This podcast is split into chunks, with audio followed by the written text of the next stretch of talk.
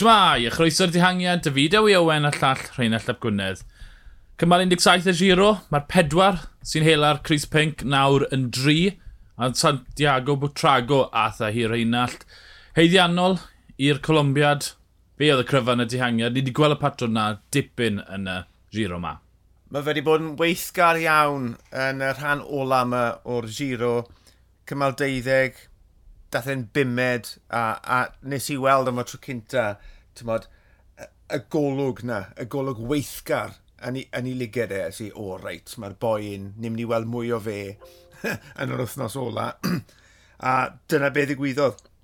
Cymal 15, dath e'n ail i Chicone, dath e dros funed lawr, ond oedd e wir yn emosiynol, a ti'n gweud oedd e wedi falle gwastraffu rhyw, rhyw gyfle a ware teg, gath e gyfle arall, cyfle eiraidd ac ennill. 22 yw e, mae fe reit ar gychwyn i yrfa.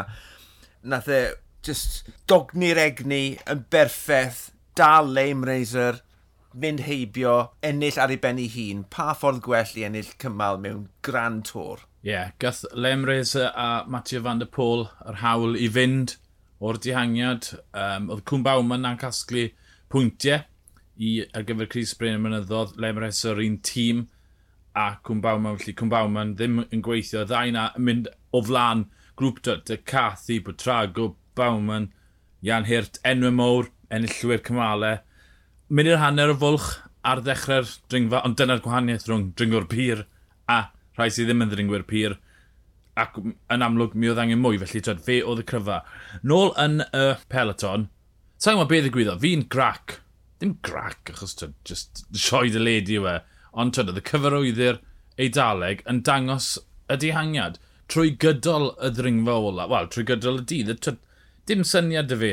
Beth i gwyddo, Tyd, felly gweud cam wrth gam, bod tyd, Almeida di mynd mas y cefn yn gynnar, bod gweddill di cwmpo nôl, twyd, bod Nibli wedi mynd ar goll. A hefyd yn gwybod beth y gwyddodd ar y llinell. Ond tyd, yn ôl o teledu ei dalu gyda motorbike tu ôl, ac mi oedd o meida o fewn cyswllt lan nesaf y drag ola yna.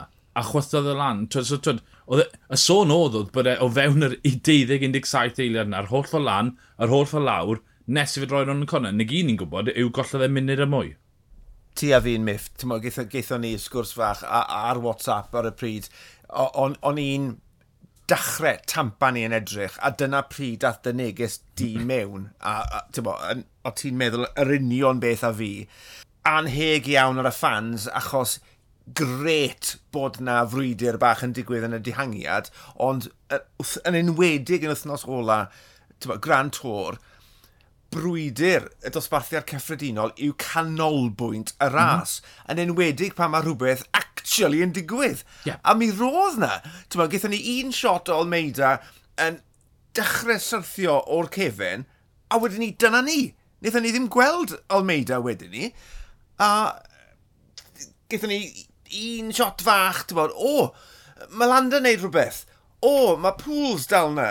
A wedyn ni, nôl i'r dangiad. A, ti'n bod, es i ar Twitter, a o lot o bobl uh, yn, yn teimlo'r un ffordd anghrombl y frwydr yn yr wythnos ola, dylse popeth wedi bod ar y dosbarthiad cyffredinol gyda lwcsi fach fan hyn a fan draw i'r dihangiad.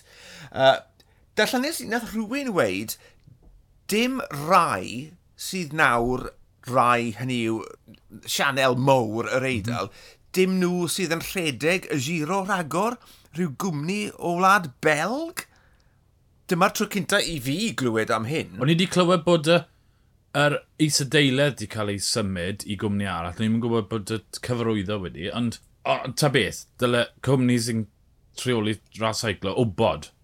Chos oedd yn amlwg bod y motorbikes yn lle anghywir, achos oedd pob un o'r dihangiad gyda motorbike ti olno, a dim bwlch yn ôl i Almeida. Bydd hwnna wedi bod yn ddigon, cloc mm. yn dweud y bwlch na, fe wedi lle mynd, o, oh, mae fe 20 eilad, mae fe 30 eilad, mae'n mae tynnu nôl.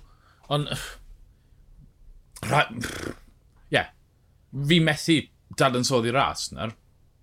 Na, a oedd hwnna yn gyfle perffaith wedi i fethu yn gyfan gwbl heddi. Ba, un o'r, dim, dim un o'r, mwy na thebyg, lan hyd at nawr, dyna oedd y frwydr mwyaf pwysig yn y dosbarthiad cyffredinol. Yeah. A welon ni braidd dim ohono fe.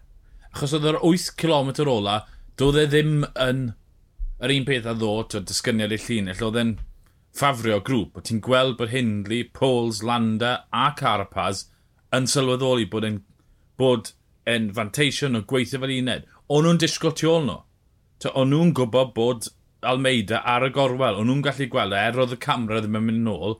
A, ie, yeah, dim syniad. Dim bod e'n bwysig, twyd, ras bikes yw e, ond, come on, dangoswch y ras. A'r ffaith bod pools, war y teg iddo fe, bo, yn dal mlaen, y ffaith bod e, bo, oedd e ar ei dîn e, ond oedd e dal yn mynd, ceisio mynd ar blaen i dynnu'r grŵp. Mae hwnna'n dangos i ti, oedd rhywbeth yn digwydd tu ôl. Yep. Tas fe just yn mano i mano fel ddo, tri, bo, ar y pen a neb arall, bydde ti jyst yn cael brwydyr rhwng y tri. Ond na, oedd, oedd rhywbeth yn digwydd tu ôl, oedd, oedd yn meddwl bod rhaid i Wout Pools dynnu'r grŵp na ymhellach lan, ond ar y pryd, o'n i ddim yn gwybod pam, achos, fel y ti'n gweud, o ddim cloc yn gweud ble oedd Almeida, o ddim camera yn gweud ble oedd Almeida, o, oh, dde'n bach o fes sy'n anffodus iawn, achos, mae ras yn, yn, yn twymo yn rili really neis a mae cyfle cyfle wedi cael ei golli heddi. Wind rhif 2, mae telemetri ar gefn pob un o'r bikes na.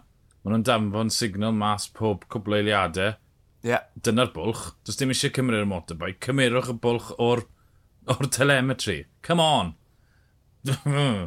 um, yeah, colli munud y mwy.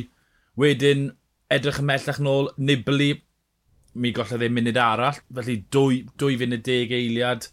Bwchman a Bilbao chwython nhw'n gynnar, ond ti'n disgwyl ar y, y canlyniad, a maen nhw'n mond i gen eiliad tu ôl i Nibli, felly twyd, nath nhw'n chwythu'n ofnadw, jyst nath bach ein y gwaith yn gynnar, a wedyn pot yn cymryd drosto, i waredu ar rhan fwyaf o'r hyfrynau. Fi'n credu, twyd, dy'r holl beth welon ni ddim, beth sy'n glir yw bod y tri na, Landa, Hindley a Carapaz yr union yr un lefel. Odyn. A mae fe'n, twa, mae'n mynd i fod yn ddiddorol, twa, mae fori, o, oh, newn ni prifyw fori na'r gwyb. Gwyb.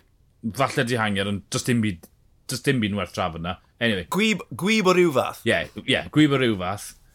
Um, bod e jyst yn mynd i, twyd, ti'n meddwl am y, yr gobeth o twyd, jwmpa dros Carapaz a Hindley i Landa mewn ras yn emyn cloc, felly mae rhaid i Landa am Ond mae Carapaz a Hindley debyg yn ebyn y cloc, byddai ti'n gweud?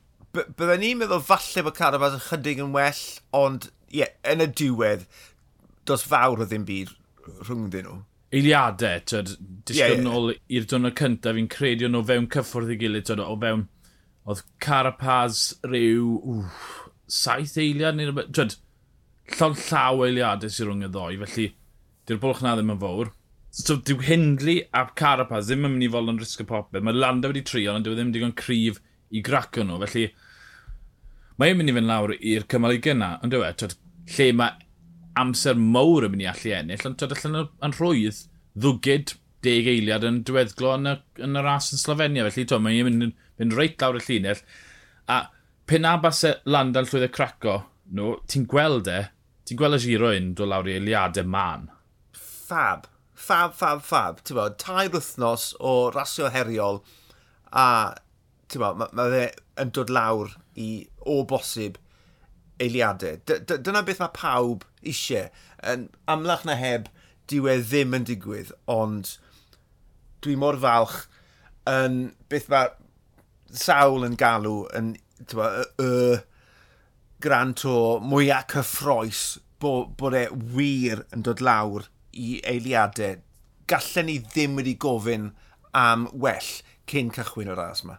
Achos yma cwbl o ddyddiau diwethaf, mae wedi bod bach yn fflat, ti'n lli gweld tyd y frwydr, mae wedi cael ei ffurfio yn gynnar, a mae'r ti'n gwybod y mer desgyn di bod y Cris Pink wedi benderfynu. Ond nawr, ti'n siarad, Carapaz a Hindley, wel, mae bwlch rhwng nhw yn dri eiliad ar y dosbarthau cyffredinol. Landa, munud y pimp tu ôl i Carapaz, wel, un ymwysodiad yw hwnna. Almeida nawr yn ddwy funud nôl, felly Mae'r yeah, ma bwch na'n fwy na'r gwaniaeth rhwng nhw yn ras yn erbyn y cloc 45 eiliad i funud fi'n credu. A wedyn mae Nibli yn 5 munud 48. Ond unrhyw un o'r tri ucha na gallen nhw ennill. A ie, yeah, fi'n cytuno, mae'n gret bod y Giro d'Italia yn debygol o fynd lawr i'r cymal mynyddig ola ac yn falle o bosib yn mynd i fynd lawr i'r ras yn erbyn y cloc ola. A mi wrth dyn ni fori drafod digwyddiadau cymal 18, ond byddwn ni'n siŵr o fod yn dal yn soddi cymal 17 pam ni wedi ffind y mas mwy amdano. Ond o fideo Owen a'r llall Rheinald Llap Gwynedd, ni'r dihangiad, hwyl.